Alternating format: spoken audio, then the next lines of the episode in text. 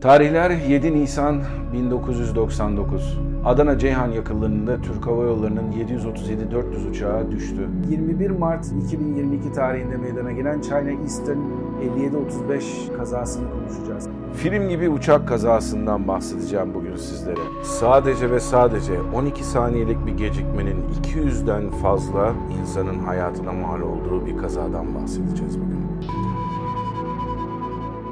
Tarihler 7 Nisan 1999'u gösterdiği gün Adana'da gerçekten de uçulması çok da mümkün olmayacak bir hava vardı. Şimşek, yağmur, fırtına ve etraftaki kümülonimbus bulutları hava ulaşımını olumsuz yönde etkileyecek düzeydeydi. Türk Hava Yolları'nın 5904 sefer sayılı 737-400 uçağı da öyle bir günde, öyle bir gecede Adana'ya iniş yapmıştı. Cidde'den hacıları getirdi ve boş olarak tekrar Cidde'ye ekip değişikliği yaparak Adana'dan gidip tekrar Cidde'den geri dönen hacıları ülkemize getireceklerdi.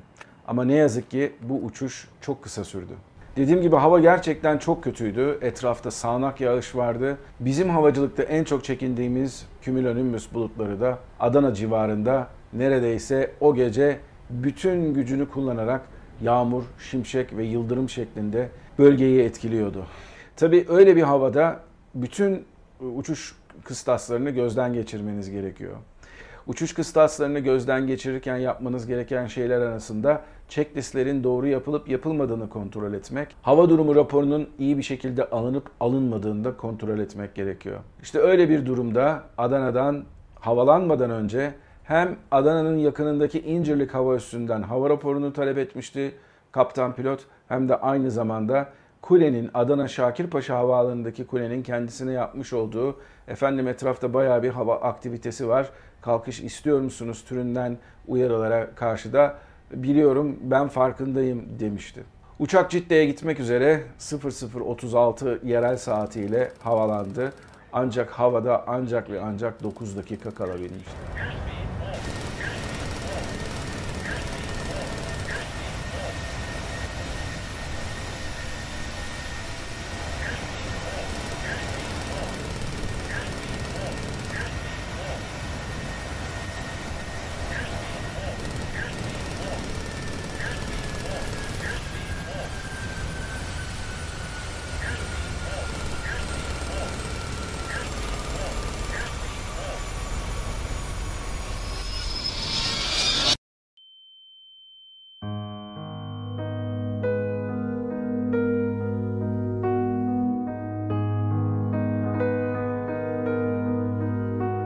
9 dakikanın sonunda ortaya çıkan manzara uçaktan eser olmayan 30 ila 40 metre çapında bir çukur, yine 30 metre derinliğinde bir çukur ki görgü tanıkları aslında bunun bir yanardağ krateri şeklinde olduğunu söz ediyordu. 28 Kasım 1979 tarihinde saat 8.17'de Auckland, Yeni Zelanda'dan kalkan Yeni Zelanda Hava Yolları'nın bir uçağı var. Bu uçağın aslında normal bir uçuş parkuru yok. Bu uçak bir noktadan bir yere gitmiyor. Tam tersine Auckland'dan kalkıp sabah saatlerinde akşamleyin tekrardan Auckland'a inmek üzere kalkıyor. Ve bu uçakta 200'den fazla yolcu var. Bu yolcuların bu uçuşa gelmelerinin sebebi hem Yeni Zelanda'nın hem de Avustralya'nın Güney Yarımküre'ye olan yakınlıkları, Antarktika'ya yakınlıkları nedeniyle gerçekleştirilen bir gezinti uçuşu. Evet yanlış duymadınız. Bir DC-10 düşünün. Geniş gövdeli bir uçak olarak aslında bu uçağı hava yolu Amerika kıtasına yaptığı uçuşlarda, Avrupa'ya yaptığı ve Asya'nın belli başlı noktalarına yaptığı uçuşlarda kullanmak üzere satın almış bir hava yolu. Ama bu uçak aynı zamanda Antarktika gibi insanların gerçekten çok da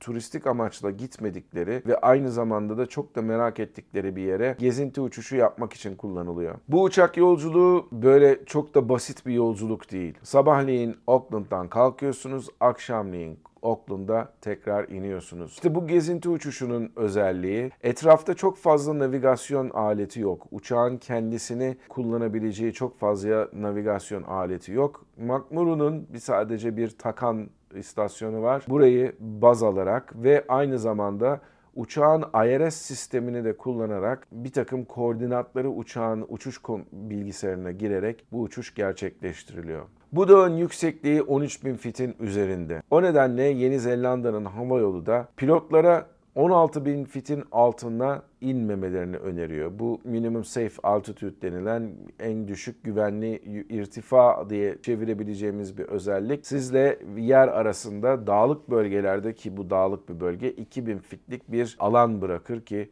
hani bir takım navigasyonel arızalar olduğu takdirde bile dağa çarpmayasınız diye. Bu dağı sola aldığınızda girdiğiniz körfez üzerinde uçtuğunuzda da belirlenen en düşük irtifa, güvenli irtifa 6000 fit olarak belirlenmiş. Ancak daha önceki uçuşlarda ortamın çok da müsait olmasından ötürü dediğim gibi trafik yok ve aynı zamanda görerek uçuyorsunuz. Yani gördüğünüz zaman dağlara çarpmamayı sağlayabiliyorsunuz. Bu uçuşun yaklaşık 1500 fite kadar düştüğü de gözlemlenmiş. Hatta ve hatta buna o kadar alışmış ki hava trafik kontrolörleri, hava trafik kontrolörleri bu uçuşta Yeni Zelanda 901 uçuşunda o Kasım gününde siz 1500 fite inmek ister misiniz diye aslında teklifi hava trafik pilotlara yapmış ve bunu da gerçekleştirmişler. Ancak biraz evvel demiştim ya dağı sola alarak uçtuğunuz bir ortamda bir hata yapılıyor. Bilgisayara girilecek olan uçuş planını kağıtta size veriyor. Şirket bilgisayarından, navigasyon bilgisayarından çıkan veriler ve bu verilerde yanlış bir bilgi girildiği için aslında körfez üzerinde uçtuğunuz sanan pilotlar Mount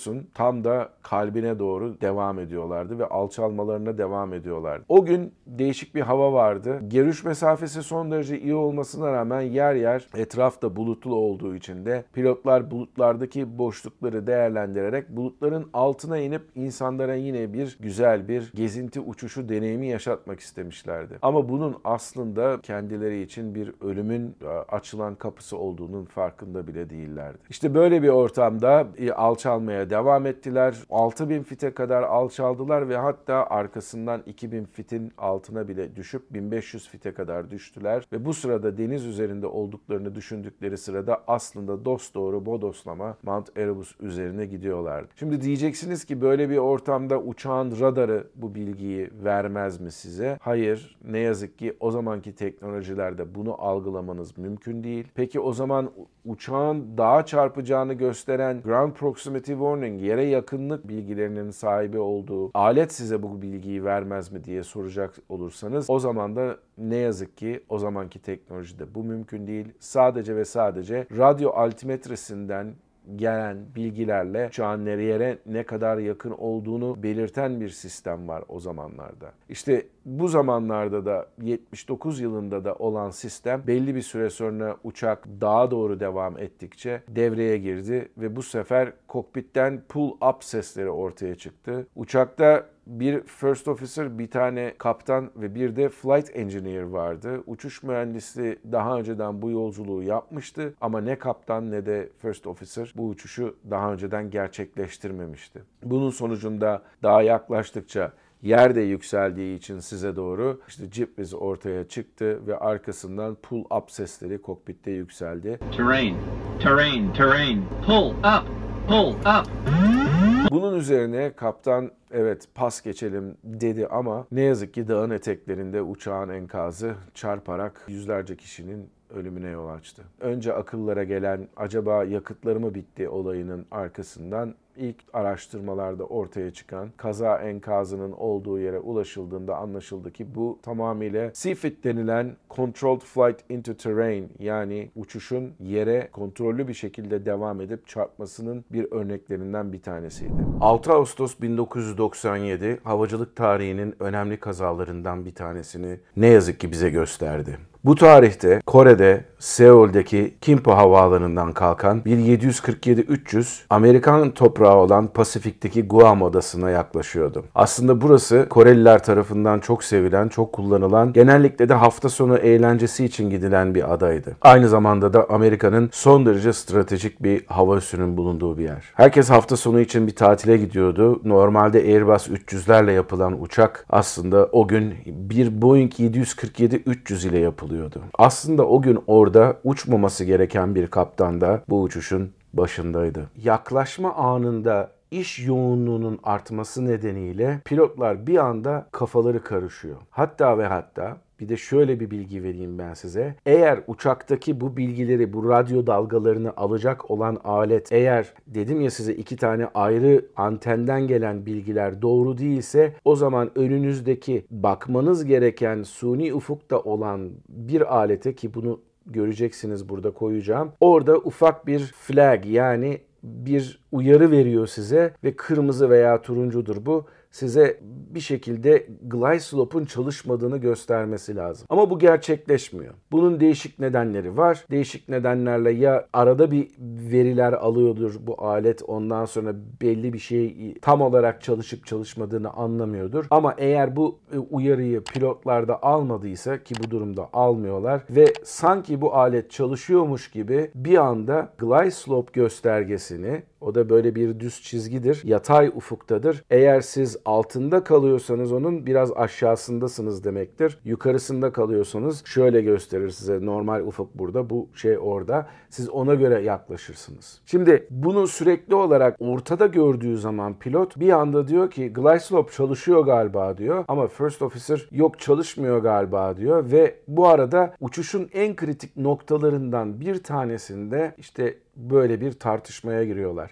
Tartışma gerçi hani sizin normalde anladığınız anlamda hani bir kavga anlamında bir tartışma değil ama aralarında glide slope çalışıyor galiba. Yok çalışmıyor zannedersem ama hakikaten çalışıyor mu türünden bir konuşmalar geçiyor. Bu hem onların dikkatini dağıtıyor hem de başka uyarıları da birazcık dikkatlerini vermelerini engelliyor. Nedir bu başka uyarılar? Uçak geliyor o dediğim yatay düzlemde piste doğru yöneliyor ve bunlar artık step down dediğimiz hani o merdiven inişi şeklindeki yaklaşmayı da yaparlarken bir anda radyo altimetresinden, uçağın radyo altimetresinden 1000 fit uyarısı geliyor. Bu arada uçak uçağın iniş takımları açılmış, flaplar iniş pozisyonuna gelmiş durumda. Bu 1000 fit uyarısının gelmesi bunları aslında bir takım sor, şeyleri sorgulamalarına yol açması lazım. Ama onlar bir yandan checklist yapmaya çalışıyorlar, bir yandan tartışma yapıyorlar ve o sırada işte glide slope çalışıyordu, çalışmıyordu onu belirlemeye çalışırken uçak o koskoca bilmem kaç ton olan uçak sürekli olarak yere yaklaşmaya devam ediyor. Daha sonra uçuş mühendisi biz pas mı geçsek diye hani kızım sana söylüyorum kaptanım sen anla şeklinde bir şekilde söylüyor. First officer ben pisti göremedim pas mı geçsek acaba diye kaptana söylüyor. Bu arada kaptan uçucuk pilot ve bu sırada bunlar bunları tartışırlarken olmaları gereken irtifanın son derece altına çok daha alçak bir irtifada uçmaya devam ediyorlar. Nereye kadar? Bunlar işte bu tartışma sırasında diyorlar ki yani bir şeyler doğru gitmiyor. En azından biz pas geçelim diyor ve hakikaten kaptan gaz kollarını ileriye doğru itiyor ve gaz kollarını ileriye doğru ittikten sonra uçağın burnunu pas geçmek için biraz havalandırıyor. Bu havalandırma sırasında da ne yazık ki öyle bir güçle bir potansiyel enerjiyle geliyor ki uçak burnunu kaldırsa bile birazcık hala uçağın inişe devam ettiği görülüyor yapılan kayıtlarda ve ondan sonra da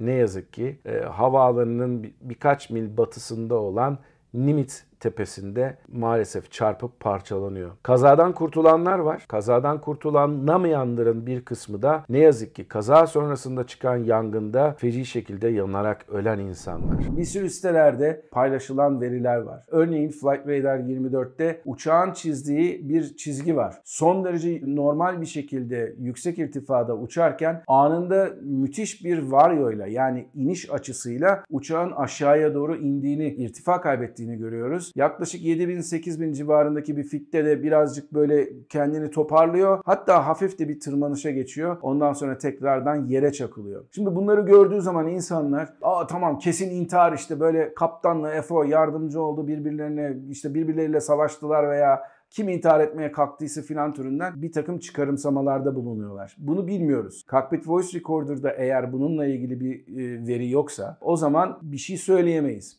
Bu neden olabilir? Tabii intihar bir neden aslında. Bu zamana kadar kimsenin söylemediği bir olay var. Onu da anlatacağım size ki ona, ona baktığınız zaman aslında intiharın biraz da olası olabileceğini düşünebileceksiniz ama kesinlikle ben olayı o yöne doğru sadece itmek istemiyorum. Uçağın kuyruğunun koptuğu yönünde bir takım spekülasyonlar var. Bir CCTV'den gelen yani bir güvenlik kamerasından gelen bir ufak bir video yayınlandı. Burada gerçekten büyük bir açıyla aşağı doğru düştüğünü görüyorsunuz ama kamera görüntüleri o kadar net iyi değil. Kuyruğu kopmuş gibi de gözüküyor, kopmamış gibi de gözüküyor. O açıdan gerçekten ve o yayın kalitesiyle, o çekim kalitesiyle bunu görmek mümkün değil. Tabii kuyruğu neden kopmuş olabilir? Burada size insanların anlatmadığı veya yanlış yönlere yönlendirdikleri şeyler var. Örneğin birisi çıkmış diyor ki işte Kaliforniya'da zamanında bir kaza olmuştu. E bir PA-28 Piper Warrior'la bir DC-9 çarpışmıştı. E ondan ona benzer bir şey mi acaba? Hayır yanlış yönlendirme bu. Bir kere o irtifada bir genel havacılık uçağı uçmaz. Bir. İkincisi başka bir uçakla çarpışma olayı varsa diğer uçağın parçaları nerede? İşte öylesine laf olsun torba da olsun diye sizleri yanlış yöne kanalize eden insanların videolarında anlattığı şeyler bunlar. İnanmayın gelin Kaptan Baha'yı dinleyin. Onun dışında tabii başka bir uçakla çarpışma olasılığı var mı? Yok. Çünkü neden? Dediğim gibi başka bir uçağın da parçalarının olması lazım. Başka bir uçağın da orada bulunması lazım. Ama başka nedenlerden dolayı bu kuyruk kopmuş olabilir. Tekrar söylüyorum eğer kuyruk kopmuşsa bunu da Flight Data Recorder'da göreceğiz. Nerede kuyruk kopmuş mu kopmamış mı? Uçağın yapısında herhangi bir bozukluk var mı yok mu? Bunu gerçekten orada göreceğiz. Benim sevmediğim bir tabir. Havacılıkta bütün kanunlar, kurallar kanla yazılmıştır denilen bir laf vardır. Ama ne yazık ki böyle olaylardan ve özellikle de paylaşılan kaza raporlarından çok ama çok şey öğrenmemiz mümkün. O nedenle bu videolara devam edeceğim. Eğer bu videoları beğeniyorsanız Arkadaşlarınızla paylaşın. Aşağıya bir like'ınızı atın. Ve aynı zamanda YouTube'un yeni bir özelliği var. Teşekkür etme özelliği. Türkiye'de de açıldı bu yanılmıyorsam. Eğer bu videoyu gerçekten de beğeniyorsanız, emeğimizi destekliyorsanız teşekkür etmeyi de unutmayın. Bir başka Kaptan Baha videosunda sizlerle beraber olana kadar mutlu kalın, esen kalın ama her şeyden önemlisi sağlıklı kalın. Hoşçakalın.